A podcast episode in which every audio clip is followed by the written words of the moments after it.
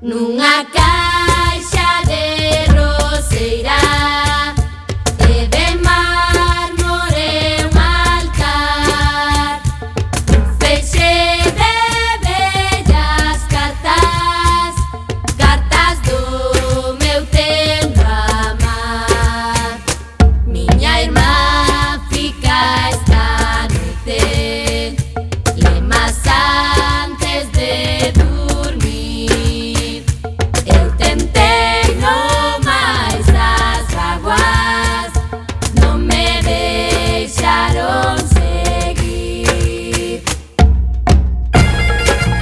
Moi boa tarde, como estades? Sede benvidas e benvidos a este espazo radiofónico semanal dedicado á cultura que facemos en rigoroso directo todos os martes a esta hora 7 da tarde aquí en Cuac FM no 103.4 a Radio Comunitaria da Coruña.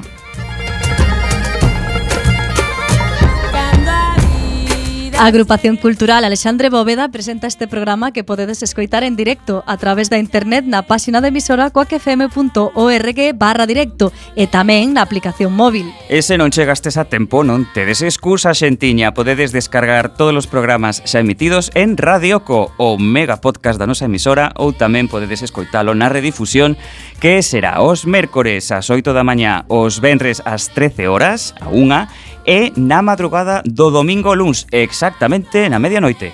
E a partir de agora, seguídenos nas redes sociais, tanto deste programa Recendo como da propia agrupación cultural Alexandre Bóveda, que teñen abertos os seus canais en Twitter e Facebook, ou na web www.acalexandrebóveda.gal.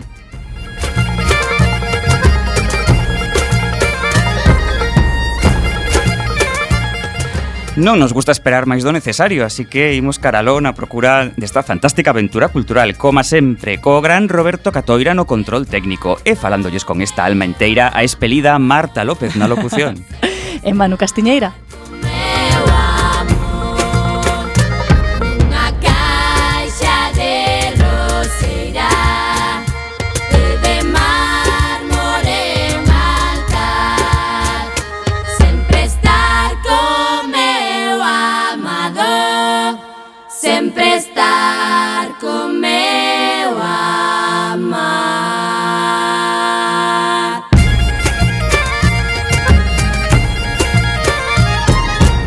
E chegamos ao programa número 312 E que temos hoxe? Pois estarán connosco David Díaz e Diana Fernández Os dous filólogos galegos que no seu tempo libre manteñen en marcha o blog de cociña Volvoretas no Bandullo. E falaremos das actividades da nosa agrupación E das outras cousas que se fan na Coruña e na Galiza E que tamén son cultura. E que escoitaremos hoxe de música, pois no ano 2004 algúns ilustres músicos galegos como Pilocha e Antón Seoane conseguiron editar un delicioso disco de música infantil que polo menos nos seus títulos fai referencia á gastronomía galega. Ao informal e efémero grupo chamáronlle Conservas Lambón e o disco titúlase Cancións para os Croques. Presentamos a primeira peza de hoxe titulada Croques da Ría.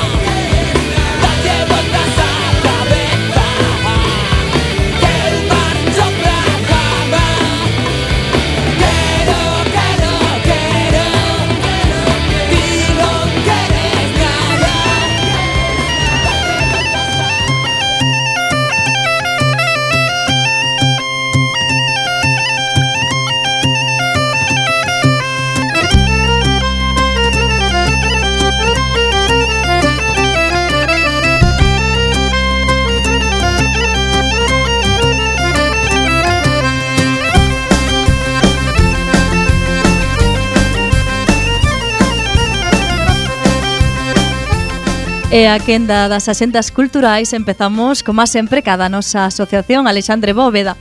O mércores 6 de febreiro presenta o libro de X, de Eli Ríos, editado por Urco, en o que a autora volva a literatura fantástica. Na presentación van a acompañar a autora Beatriz Maceda e David Cortizo. Será ás 19.30 horas no noso local. Durante o mes de febreiro, no que xa estamos, por se hai algunha despistada, a agrupación cultural Alexandre Bóveda Nosa, xunto coa Asociación Sociopedagóxica Galega, organiza as xornadas Patrimonio e Memoria, haberá catro palestras que serán sempre os xoves ás sete e media da tarde. A actividade é de entrada libre e gratuita para todo o público. Os ensinantes asistentes terán dereito a certificado homologado pola Consellería de Educación e todo, por valor de oito horas lectivas. Pois a primeira palestra correrá a cargo de Soledad Felloza, integrante do proxecto A Enciclopedia do Patrimonio de Galicia. Falará sobre patrimoniogalego.net, un sistema de información xeográfica, XIS, Eh, o obxectivo é elaborar un catálogo social do patrimonio cultural galego estruturado por comarcas, concellos, pero no que tamén podes recuperar a información por tipo de ben cultural, por cronoloxía, etc. Será o xove 7 ás 19.30 no noso local.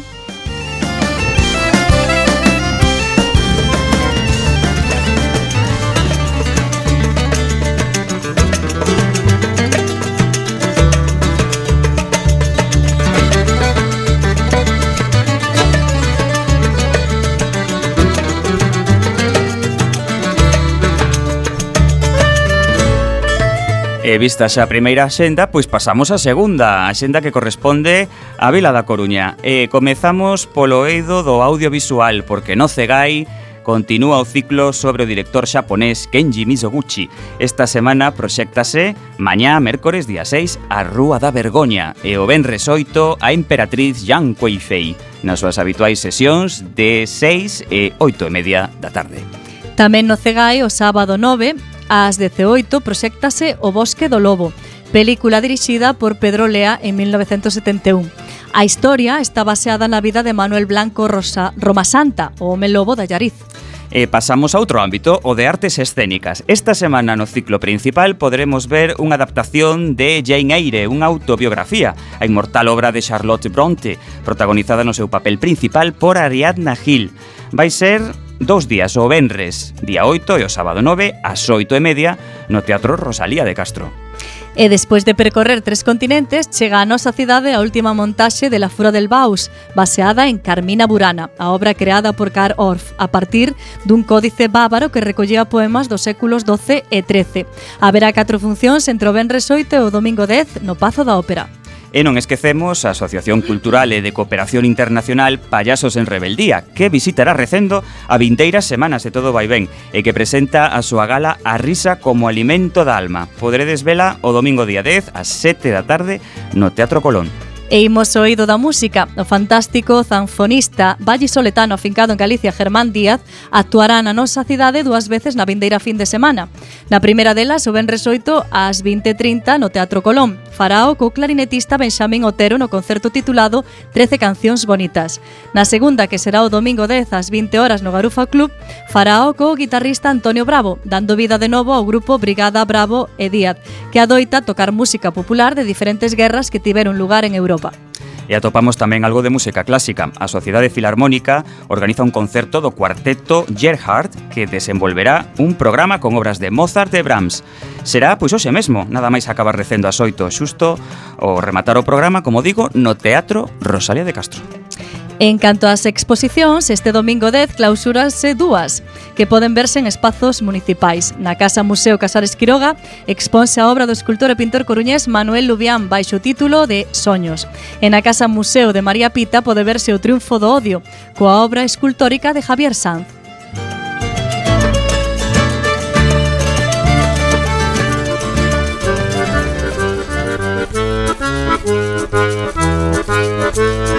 Thank you.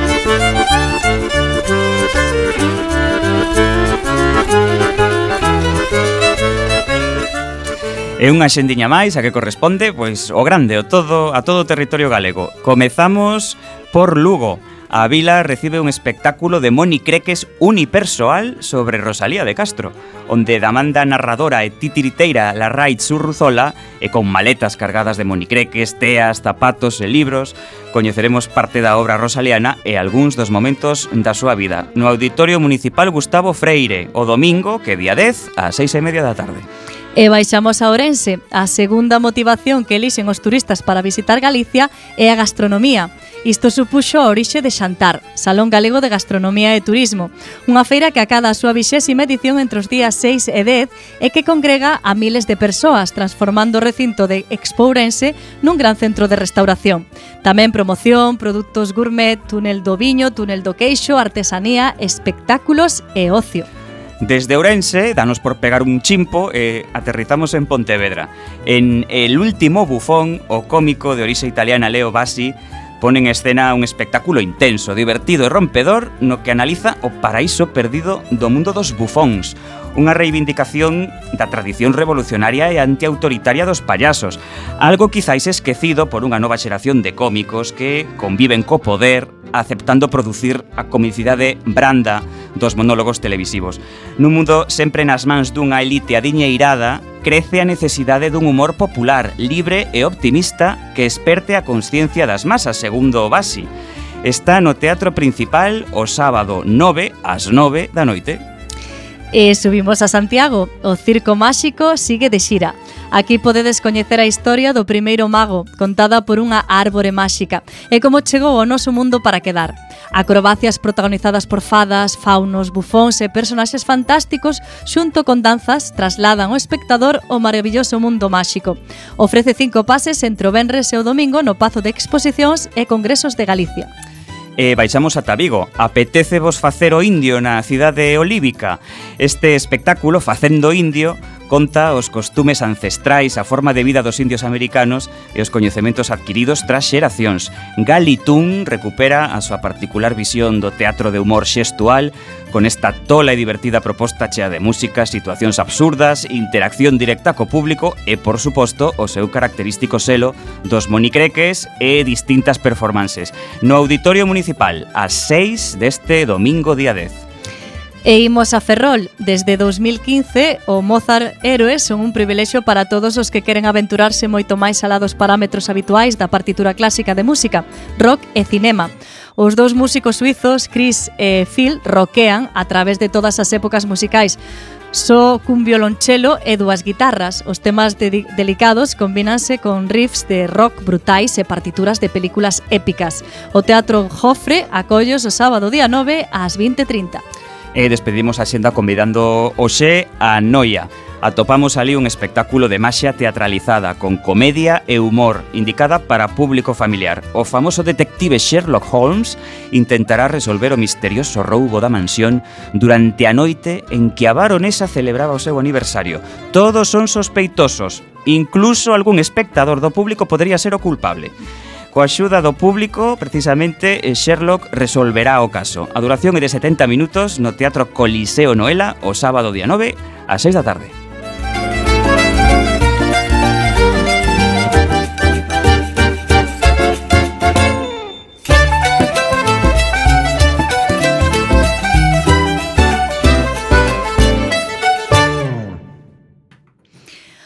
hoxe temos un programa un tanto especial porque debutamos entrevistando a dous blogueiros, unha caste de persoeiros que nunca antes entrevistamos. O seu blog é moi coñecido entre a xente que desfruta cociñando e papando. E seguro que moitos de vos escoitastes falar ou listes bolboretas no bandullo. Os responsáveis deste blog son a parella formada por Diana Fernández e David Díaz, xuntos tendo ano 2013. Descóbrenos novas receitas dende a súa páxina web. Receitas que van dende doces ata pratos principais, pasando polas preparacións máis tradicionais da cociña galega ata as cociñas máis exóticas como a chinesa, a hindú ou a mexicana. Ademais, no seu blog non só podemos babexar coas exquisiteces que nos ensinan a preparar, lendo volvoretas no bandullo podemos poñernos ao día da cultura galega. Na súa sección Volvoroteando con entrevistan a diferentes figuras da cultura galega. Polas súas páxinas teñen pasado xente como Xana Lastra, da Banda da Loba, os escritores Pedro Feijó, a futbolista eh, Vero Boquete ou Mercedes Queixas, por citar só algúns. Como vedes, os seus eh, entrevistados tamén son de luxo, como en Recendo.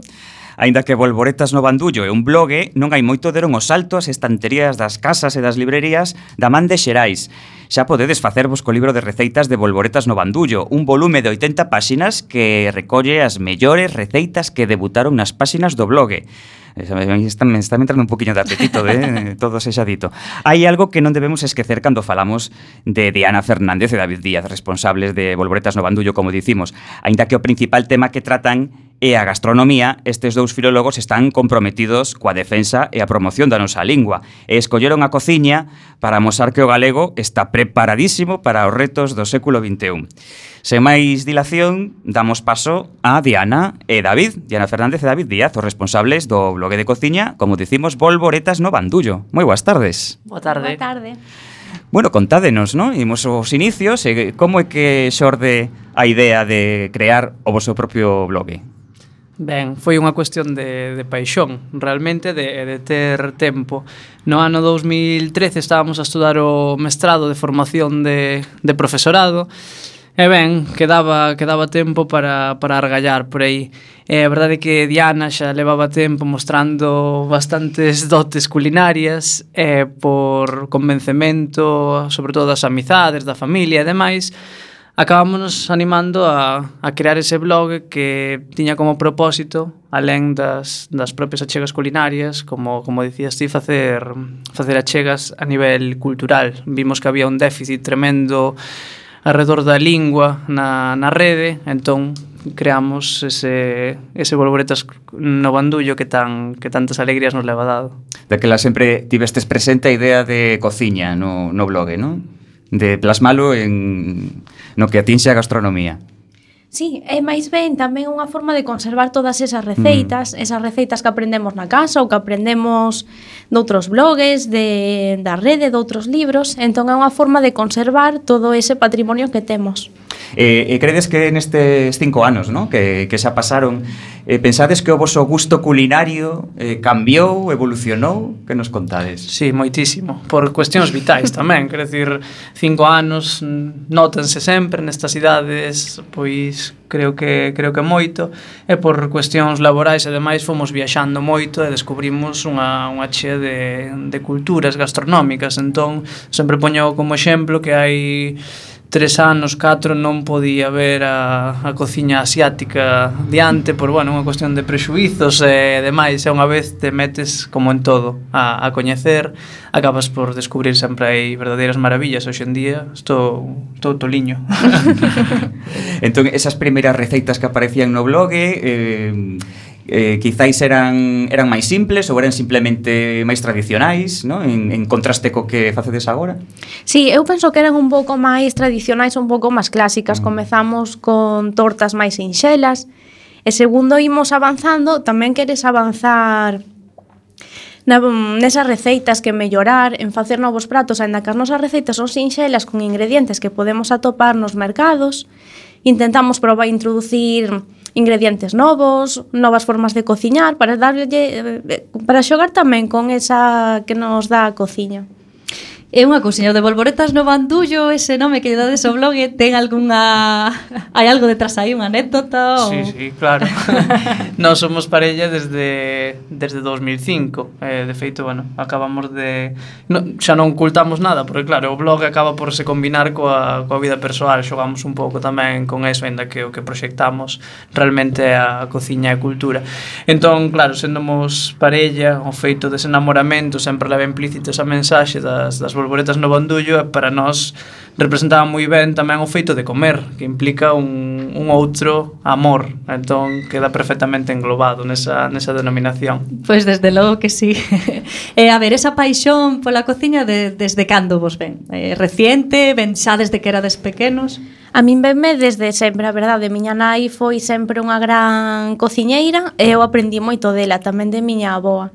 No meu, no meu caso, a aprendizaxe ven directamente de, dela. De Diana. Sí, sí, eh, quero dicir, foi unha paixón que, que ela mesmo me foi contaxiando e, de feito, sempre digo que houve arrentes do que, do que ela vai facendo. É dicir, ela é o motor realmente eh, sobre todo desa parte desa parte culinaria, quer dizer, eu era un bo papador desde, desde sempre e vou medrando nese, nese ámbito, pero da cociña eu como calquera persoa, fun, fun aprendendo desde, desde cero prácticamente.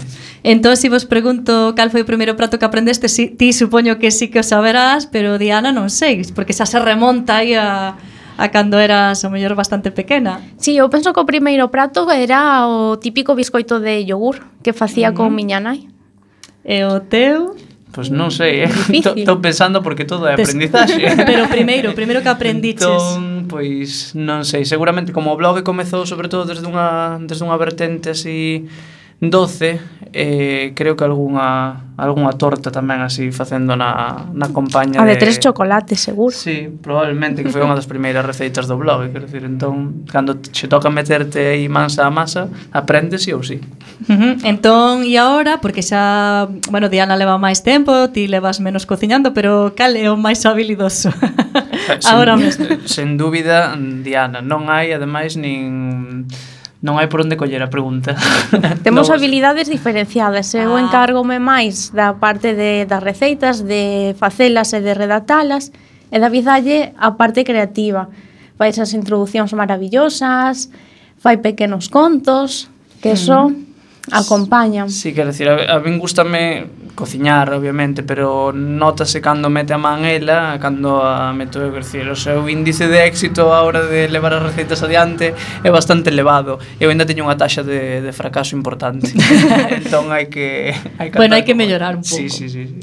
E os vosos pratos estrela eses que preparades cando queredes deixar pampos os convidados, cales serían? Eu Mm, non sei se prato estrela, pero é o que creo que representa mellor a cultura gastronómica de Galicia son as fillós ou como nós denominamos eh, freixós, eh, que agora veñen, veñen moi ben o conto. O sea, freixós, pero vos sodes daqui da Coruña? Non, no, no somos porque de, de Viveiro. Por eso digo, porque eh, ver, nos... aquí non son freixós. No, claro, aquí, aquí bueno, falase así de, de fillós. Aquí son fillós. Sí, nos es... diferenciamos os freixós ou os fillós de, de, de sangue, sangue, claro. Pero si sí, non somos de freixós, de feito temos na miña casa a tradición son os freixós salgados, os do cocido, E na, na, na miña de, casa son, son os de, doces de leite. De leite. Sí, mm. pe, máis de feito eu paseime a, aos doces. Eh? os de leite. Unha vez eu nunca probara até que estiven con ela os, os doces e agora xa non podo xa non podo sair dese mundo. e o teu prato estrela, Diana? Eu penso que a lasaña. Mm -hmm. De verdura, de carne? Mm, de carne. Eu penso que a que mellor me queda é a de carne. Mm -hmm. Bueno, non trexestes ninguna proba de nada, non? Non, Oxe non Foi un fallo, verdad, Manu? Bueno, realmente é unha magua que non teñamos cociña aquí no, no estudio Claro, que de tanto falar de comida De Coaque mí... FM, porque ainda vos éramos capaces de metervos nun compromiso mm. Ah, sí, genial, genial Nos encantados eh, Dicídenos, hai algún prato ou alimento que, que rexeitedes cociñar? Sí, eu teño un pouco de, de trauma co fígado. Pois en non xeral, sei por que sabía que ibas a decir eso. Eh, en xeral coas vísceras, pero mm, non sei, que son neno do, do rural aínda, crieme no, no Concello de Ourol e a matanza era, era un habitual todos os invernos. Entón, o, xa o cheiro das tripas e todo isto se me facía forte, pero ben, sí que, eso sí que as comía, e demais, pero do fígado creo que nunca cheguei a probalo, só co, só co cheiro, quer decir, me, que me repugnaba. Outro día ainda fomos a un, a un restaurante, así de, de Casa Solla, en Pontevedra, e preguntábanos do, tamén se te poñíamos limitacións, e dicíamos que nada, que nos servía todo, excepto o fígado. Pero A trampa foi que nos acabaron poñendo fígado, era fígado de, de peixe, de raia, e non percibimos nada, obviamente. Pero, é todo o contrario, encantou, non? Sí, pero a min o, o xa pensar no propio fígado, no, no olor que desprende, no, eu non o toco, eh? E ti, Diana, tes algún alimento prohibido? Non, prohibido non. Por exemplo, o peixe sí que me custa moito. Como me custa moito comelo, tamén me custa decir, vou facer unha receita con peixe. E iso notase no blog que hai unha carencia total, hai moi pouquiñas receitas que leven peixe. Sí, sempre dicimos que temos que mellorar porque además nós somos eso de terra de terra mariñeira e eh, a porcentaxe en comparación coas carnes, sobre todo coas verduras, que tal vez sexa o que máis traballamos, e os doces, pois é, é notável. De todas formas, a min a min si me gusta e de vez en cando, bueno, algo algo argallamos por aí.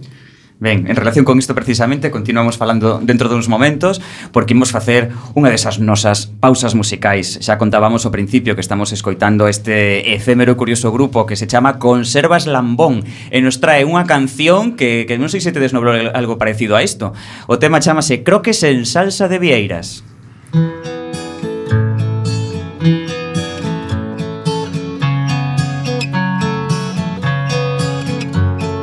A gente vai tricite di ampiace, a gente vai tricite di ampiace sempre, sempre visti a gente vai tri A gente vai tricite di ampiace, gente vai revés 4, 5, 6, chegan as festas do rei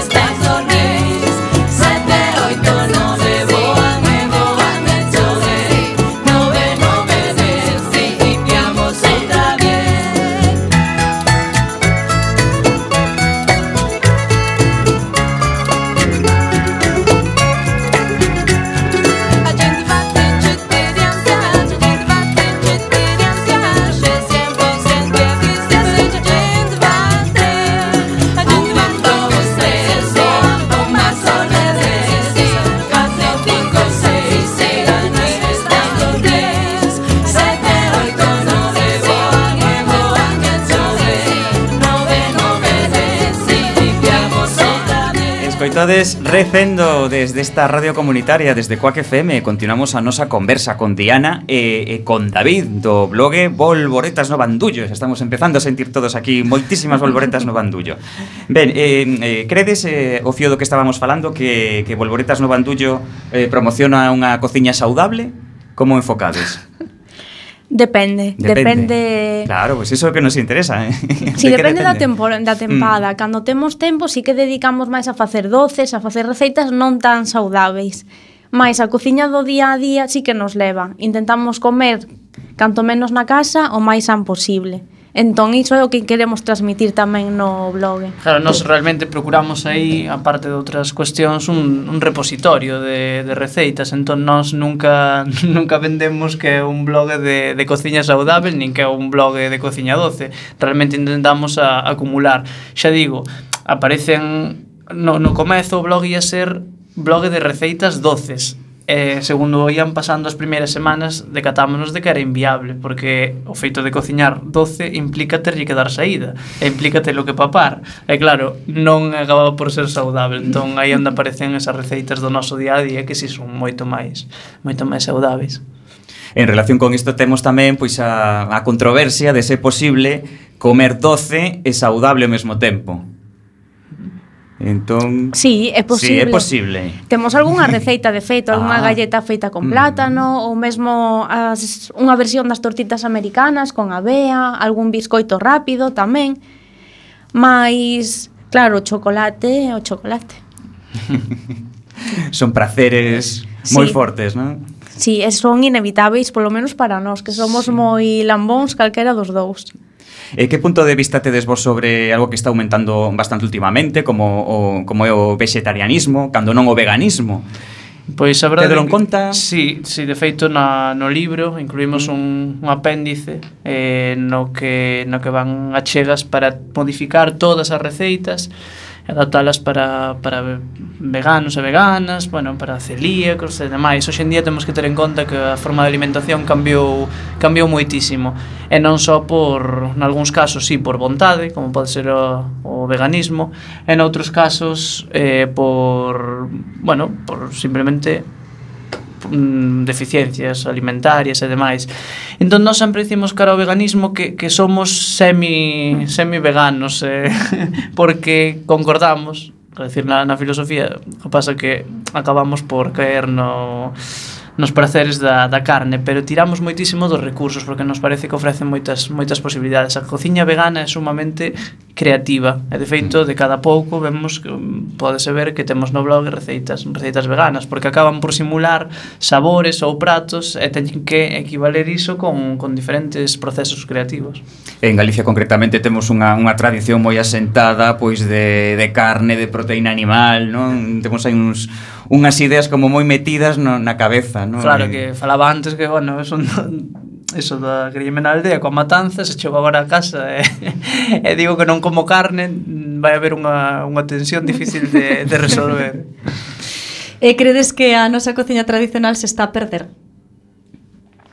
Non, eu no. creo que non O que pasa é que non sempre vendemos como corresponde. É dicir, eh, o caldo galego, por poñer, por poñer un caso, segue vivo en todas as, bueno, moitas casas, eu creo, pero a nivel comercial xa non sempre se sabe proxectar. Eh, de feito, claro, ás veces a xente de fora ven, coñece a nosa gastronomía, pero coñece desde a perspectiva pois eso, do, do restaurante que non é a mesma que a, que a da cociña de, da casa de todas formas se, se potenciásemos a gastronomía identitaria tal e como, eh, como corresponde acompañada da lingua e todo creo que teríamos o, o mellor produto cara, cara ao exterior do mundo sen dúbida Eh, credes que os noves, os novos saben comer ben ou hai unha xeración que esqueceu as bondades da nosa cociña? Eu penso que eso depende de cada familia. Hai nenos que son moi bons comedores, que comen de todo, e outros que, que non, e que se decantan máis polas comidas procesadas e todo iso. Eu penso que é moi importante esa ensinanza a comer ben desde pequenos e pequenas. Si, nós que somos docentes, tal vez tal vez sexa interesante incluir e darlle cada vez máis máis cabida no, no ensino, ben sexa con materias de alimentación ou con horas a través de diferentes actividades, porque ben, tamén creo que cada vez estamos máis condicionados pola, polo tempo, por cuestións de traballo e demais, mm. e acabamos por caer en pratos procesados en moitas ocasións, eles mesmos, quer dizer, nós desde o instituto vemos que comen aquelo máis máis rápido en, en moitas ocasións, e claro, implica ten as súas ten as súas consecuencias, claro. Da que bueno, supoño que a veces o rápido tampouco significa que sea malo, se poden facer cousas rápidas, non? Pois que tes un blog, cociñades e, e ser saudables. Entonces a veces é non saber o mellor como como facer esas cousas. Vos no vosso blog tedes algo de cociña rápida, eh, saudable, por exemplo? sí, para estos de... casos de pais sin tempo que lle queren preparar cousas sí. boas aos seus fillos. Si, sí, de feito, o máis rápido son as verduras que, que en moitas ocasións xa nos permiten a degustación así moi moi fugaz. Xa digo que é unha cuestión Crudas, te refieres? Sí, sí, sí. Xa digo que é unha cos... é unha cuestión moitas veces de, de comodidade no tempo e tamén de dunha serie de recursos, que decir, sabemos facer o de sempre e non nos dá tempo pararnos a, a ler, a crear outras cousas, entón non, non, non reflexionamos. Pero ben, sí, creo que hai bastantes receitas neste, nesta liña. Sí, de feito, hai un ano que eu estaba coas oposicións que buscábamos para o blog receitas que fosen rápidas, que non nos levase moito tempo e que sexan atractivas, porque moitas veces é moi importante a vista para aprender a, a comer. Se si un plato non nos chama, non nos, non nos vai interesar comelo. Mm. Entón sí que intentamos facer moitas receitas rápidas Sí, de feito, en algúns obradoiros que facemos con, con peques e tal, sempre optamos por unha receita doce que, que é fugaz, que é un biscoito así rapidísimo que se fai en 5 minutos, pero despois tamén para que quede a perspectiva da, da posibilidade da cociña saudável, facemos uns roliños eh, vegetarianos con, con, con pan de molde e dentro unha serie de, de verduras que van aí E teñen, teñen éxito? Sí, sí, de feito, eh, funciona moi ben. E, bueno, como agora o da cociña co, coas novas xeracións é impresionante a conexión que se logrou desde os diferentes fenómenos e eh, programas mediáticos e demais, sí que, sí que pasa un pipa e, e danlle unha saída rapidísima. Sí, ao principio cando ven a leituga din, no, no, eu non vou comer iso. E despois fan os roliños, decimosles, probade, por lo menos probade, se non vos gusta non pasa nada. E despois gustalles. Entón tamén é unha forma de que eles aprenden a comer Eu creo que os cativos se lles enseña se si eles participan no? na creación de, dos seus platos, ao final se animan máis a probar, non? Que, que se o ven aí, o mellor sin...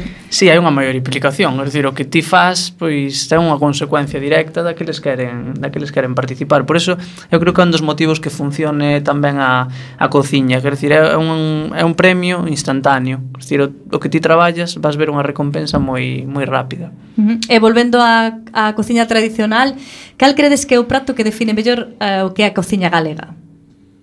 Onde que supoño que é difícil, non? Un só prato. Eu vou dicir é moi Bueno, antes xa dixen por un lado as, as filloas, as freixós con toda esa variante lingüística que ademais que manifesta por todo o país, que, que é maravillosa. Pero tal vez nós que reflexionamos sobre ese aspecto lingüístico o polvo á feira. Por unha cuestión de representar o mar, pero por unha cuestión da ameaza lingüística. Quer dicir, é curioso que o noso prato estrela, un dos nosos pratos estrelas sexa denominado eh, dunha forma deturpada, quer dicir, en castelán. Ainda tiñamos o debate hai un par de anos nesa festa do Carballiño, eh, na que as propias polveiras reclamaban que se tiña que eh, adaptar a Real Academia Galega que tiñan que aceptar a, a palabra pulpo. pulpo. Entón, quer dicir, xa, xa non só o prato como tal, é que implica moitísimo, moitísimo máis. Por iso creo que é moi é moi simbólico o do polvo á feira, quer dizer, é difícil encontrármonos un polvo á feira nunha carta dun restaurante galego, infelizmente. Mm antes que falabades dos centros de ensino, pois tamén lembraba pois o, os rechamantes que son certos produtos que se atopan nas cafeterías deses centros, no? Eh, chuches e, e demais. Todo saudável. Por eso, por eso se vai moi necesario que, que, que vos co, co voso traballo pois propoñades alternativas. Eh, entón resulta interesante o, o que nos contades, no? De que facedes probas, no? E, ao mellor encontrades un rexeitamento a priori, pero despois proban o roliño ou o que sexa e en xeral vai tendo mantendo a aceptación, non? Non, non atopastes unha resistencia feroz mm, nalgún caso? Non, porque ao xogar eles cos propios alimentos, despois, como se van convencendo, E cando ven o resultado final, din, eu fixen iso, eu teño que probar, e teño que decidir se si me gusta ou non. Mas eu penso que non houve ningún caso de negación total no, a probar. Cando son os obradoiros e todo iso xa vemos directamente, xa imos tamén nos o que sabemos ou creemos que vai que vai gustar. Si sabemos, claro, despois de publicar creo que foron xa 500 receitas nestes anos, que hai algunha que diría algunha persoa que eso non había por onde por onde collelo, pero ben, só faltaba, claro. Ben, imos escoitar un pouco máis de música. Hace uns momentos eran croques en salsa de vieiras, agora van ser croques en salsa de queixo con píntegas. Escoitamos de novo a Conservas Lambón.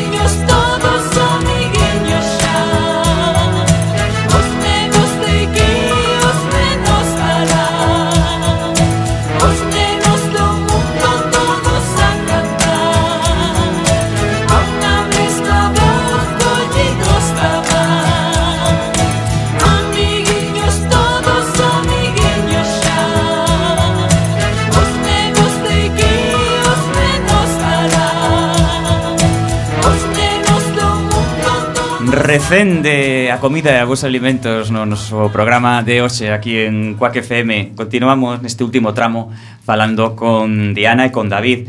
Eh, vos adoitades comer moito fora da casa?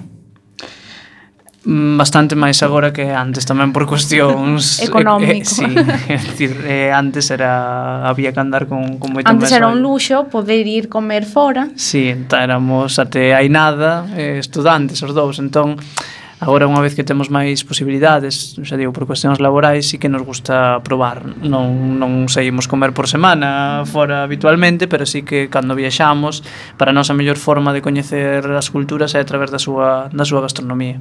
Entón, tedes algunha debilidade, algún tipo de comida que prefirades ou algún que teñades curiosidade por probar e que ainda non probarades demasiado?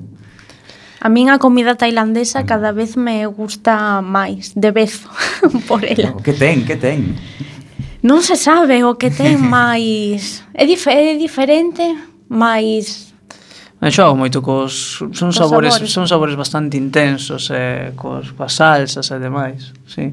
A min, bueno, son un pouco clásico no sentido, pero a italiana a verdade é que, que me perde. Estábamos falando agora das masas, e eles son, son uns artistas co tema das, das pizzas e, e bueno, cas pastas tamén, pero a verdade é que sí que somos de, de gastronomía internacional, da propia, pero internacional, a mexicana tamén tamén nos gusta moito. Mesmo agora que estivemos de Lua de mel nos Estados Unidos, E iso que, que, que fomos con prexuizos, pero descubrimos que tamén hai grandes grandes pratos por ali.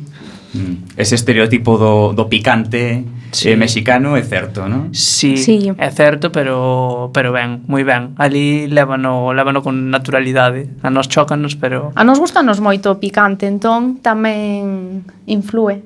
Mm. Eh, eh, e, e como vedes estes servizos de comida a domicilio que parece proliferar nos últimos tempos? Eu creo que vai en relación co que falábamos antes da, da cuestión de como mudou o ritmo de vida na, na sociedade actual. Entón, ben, se non hai problema na, na innovación, quer dizer, son, para o meu ver son, son avances, outra cousa é cando deixamos eh, deixamos que se perda pois eso, a cociña tradicional, a, a cociña en familia, en, co, coas propias amizades e demais, ou mesmo sair en grupo, para sustituíla por iso, pero o feito de que haxa esa posibilidade, a min pareceme, pareceme ben, a verdade. Mm. Eh, tedes algún restaurante ou algúns restaurantes preferidos na Coruña? Sí, eh, a verdade... Os tailandeses estarán coñecidos, sí, non? O Thai sí. Market é o que máis me gusta de todos. sí, eh, a verdade Despois que... gustanos moito o Lagar da Estrela. Sí, na Coruña comese moi ah, ben, sí. quer dicir, nós somos, xa dicíamos, da, da provincia de Lugo, E claro, para comer Lugo, pero ollo, Coruña estáse poñendo a un nivel eh, importante, non hai esa oferta de tapas, pinchos e demais tan abundante. Non, eso non. Pero eh, temos aquí o Fogar do Santiso en Oleiros que a min é un dos meus favoritos por esa relación de gastronomía e cultura que que fan. Mm, eh, vos de que, de que parte de Lugo sodes? De, bueno, nací no Concello de Ourol, mas vin en Viveiro, así, adolescencia. Eu xa son de Viveiro, Viveiro. Bueno, do, do norte. Do norte. sí. E eh, cando foi a última vez que quedaste sorprendidos por un prato ou unha preparación? É unha boa pregunta esa. é que eu creo que... Pois aí, supoño que sería hai 15 días cando fomos a Casa Solla. Houbo varios pratos que nos sorprenderon moito. Sí, bueno, eu xa dixen como leva aquí o mando Diana da maioría dos pratos, sorpréndeme cada, cada receita que, que fai. Entón, estou pensando, así hai pouco fixo un, un prato de, de trigo tenro, que o probáramos precisamente, creo que no, no Intenso, nun dos restaurantes da, daqui da Coruña, e quixámoslo simular despois na casa, a verdade é que me deixou fascinado, superaba con creces o, o prato o prato original, e como nunca comeramos antes o este este produto, este trigo tenro, conquistoume. E algún de vos tomou clases de cociña algunha vez? No, ninguna. Non foi necesario. Eu a diario. Oxalá. eh, na casa cociña desos dous ou non vos repartides esa tarefa? Sí, Cocin... cociñamos os dous, cociño un pouco máis eu, pero igual que coas tarefas, imos repartindo. Si un cociña, o outro frega, é así. Sí, a verdade é que Diana sempre disfruta máis. É dicir, eu cando cociño, gustame, xa digo, pero se é un prato novo, elaborado e demais, poñome tenso. Eh, e Diana gustalle, gustalle argallar ao máximo, é dicir, vese que, que disfruta esa tensión. Eu cando estamos eso, arriscando con algún tipo de innovación, xa digo, nada, poñome a fregar e crea ti, creatividade. e falando de innovación, que antes che preguntei se estuverades sorprendidos por algún prato, unha preparación, ti me falaches de, de casa Solla, pero Algún que te sorprendera a ti que no fixeches algo diferente ou probaches con algo, algún plato así que dixeses, "Buah, non pensaba que iba a estar tan tan bo." Pois sí, seguramente, cando fixemos a hamburguesa de lentellas que estaba que está no libro, a mí encantan máis lentellas, pero pensei que igual nunha hamburguesa non me iban a traer tanto, e encantoume por exemplo. Si, sí, eu estaba, estaba recordando agora no blog así das, das últimas receitas. Eh, falábamos antes da, da cociña vegana e fixo Diana un día unha salsa boloñesa vegana. Quedei completamente alucinado, de feito dixen que non quería máis a, a salsa boloñesa tradicional porque se me facía máis máis suave a esta nova textura que se logra co, co tofu, tofu. Por decir, quedei e de feito volvímola a facer en sí, varias ocasións, decir, quedei, foi unha, unha sorpresa. Bueno, eh, vos sodes a prova de que hai espazo para os blogueiros e as blogueiras ante esta avalancha de youtubers que parece que están a curar por todas partes, non? Vos considerades que tedes algún segredo para que vos o blog teña éxito, eh, permaneza aí tendo, tendo visitas? Sí, a ver, eh, nós é que nunca nos propuxamos como obxectivo pois ningún relacionado con, con temas económicos, é dicir, chamábanos a atención cando íamos dar algunha charla por aí, algunha presentación, mas agora do libro preguntas do tipo por que en galego? Por que, por que se quere, non queredes chegar a máis xente? Dicir, eu creo que a esencia é precisamente que non estamos procurando iso, estamos procurando facer algo con, con identidade que é o que realmente necesitamos e o que a nós nos, nos satisfai. Entón, non hai que preocuparse de máis alá e, a parte diso, creemos que se demostra que ninguén vai pasar fame por cuestión do, do idioma quen quere ler algo, quen quere descubrir pratos e cociña vai no facer este en galego, castelán ou italiano xendía temos mil e unha posibilidades cos traductores de Google entre as linguas romances dase descoberto perfectamente e demais, entón creo que tal vez a clave sexa esa, facelo na nosa lingua sin ter que dar xustificación por nada, porque é o que nos gusta. E seguramente teredes visitas de fora de Galicia, eh, sen sí. ningún problema. Sí, moitas visitas, temos visitas de Estados Unidos, de Alemanha, de Inglaterra, o que demostra que se si te interesa o que estás lendo, buscas a forma de entendelo. Mm. Como parte que a xente sabe cal é, cal é unha das gastronomías máis potentes. Entón, ao non termos tampouco unha cantidade enorme de, de blogs en galego, en, de cociña galega en xeral aínda máis, pero de cociña galega en galego, pois investiga tamén desde, desde fora, aparte que hai galegos até na lúa, xa sabedes. eh, como foi posible a edición do vosso libro? Pois puxose a xente de Xerais en contacto con nós hai aproximadamente dous anos, dous anos ou dous anos e medio É verdade que desde o primeiro momento xa non, xa non preguntamos por condicións ni nada, quer decir, deixamos para adiante porque era algo que nos facía ilusión desde, desde moito tempo atrás, quer decir, nós só pensáramos, eh, e claro, o que decíamos, sendo filólogos, e ademais, sendo amantes da, da literatura, que nos ofrezan esa posibilidade, xa digo, había que dar unha volta ao formato, todo iso, pero dixamos, sí, sí, e sí, sen, sen adiante. dúbida. Que ben, que se poñan en contacto con, con vos, eh? Sen, sin sí, que, estamos, estamos agradecidísimos a verdade. E máis na forma na que foi, porque confesounos a, a editoria Celia, Celia, Celia, Torres. Celia Torres de Xerais o ano pasado na gala dos, dos premios como se enteraran de nós e eh, foi casualmente a través da persoa que nós máis admiramos que era o escritor Agustín Fernández Paz. Bueno. Entón, a ilusión que nos fixo, bueno, a verdade é que nos caeron unhas vaguas, porque, bueno, foi o noso, é o noso referente literario, e foi co quen, con quen nos iniciamos na, na lectura, na, e na o libro, como non podía ser de outra forma, vai dedicado para el. Mm. Claro que sí. E cal foi o criterio para escoller as receitas que, que chegaron ao libro? Pois intentamos buscar receitas sinxelas, que sexan amables para que os nenos as fagan na, nas casas e que sexan divertidas, un pouquiño diferentes. Xogamos moito coas verduras porque para que se afagan tamén a comelas. Algúnha lambetada tiña que haber. As lambetadas de frambuesa son as que máis lles gustan ou a torta de nubes, tamén que sexan algo visuais. Entón, ese sí. foi... E despois intentamos procurar que non estiveran moitas no, no blog, quer decir, a esencia parte do, do blog, pero bueno, para, para ampliar tamén un pouco. Eh, como se conxuga gastronomía e defensa da lingua? Como se consume? Como se conxuga, como ah. se conxuga? eh, pois de forma natural, quer decir, nós sempre falamos nas presentacións estes días e demais que é difícil imaginar eh, viaxarmos a calquera outra cultura e falarmos de, non sei, poñamos por caso do fish and chips en Reino Unido a chamarlle de outra forma, chamarlle noutra, noutra lingua. Entón, para nós é todo unha necesidade de naturalizar. Quer decir, non podemos imaginar a nosa identidade, a nosa gastronomía, que xa como decías que era un dos, dos feitos que máis atraía a xente a, a vir a Galicia, pois non, non pode estar desconectada da, da lingua. Quer decir, para nós non sabe igual de ben se non é, se non é en galego. Claro que sí.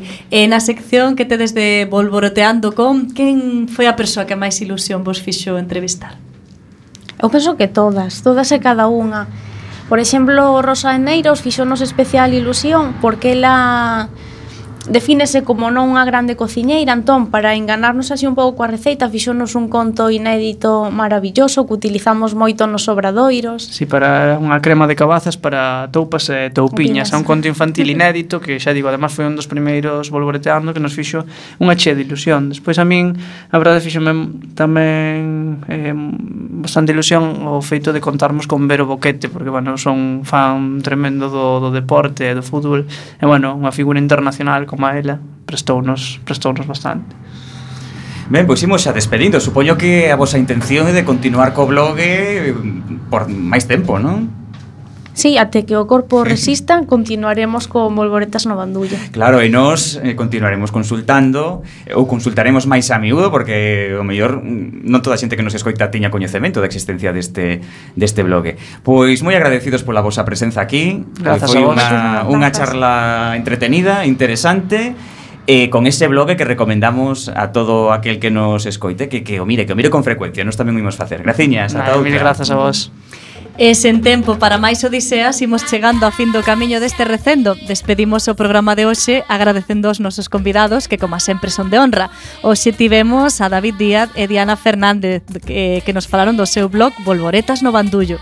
E agradecendo tamén a semente pedra angular de todo o noso comando equipo de produción formado no día de hoxe por Javi Pereira, Roberto Catoira e eu mesmo. E ademais estivemos Roberto Catoira nos controis e coalento do micrófono a miña compañeira Marta López. E o meu compañeiro Mano Castiñeira acompañándote neste recendo de palabras e de imaxes radiofónicas que nos traen este aroma cantado na nosa lingua e que nos permite hoxe tamén no futuro a permanencia da palabra, da música e da implicación e o compromiso coa nosa nación, a Galiza. A Tobindeiro martes a 7 da tarde en directo nesta emisora coa que FM da Coruña, xa sabedes, recendo as mil primaveras que terá o noso idioma.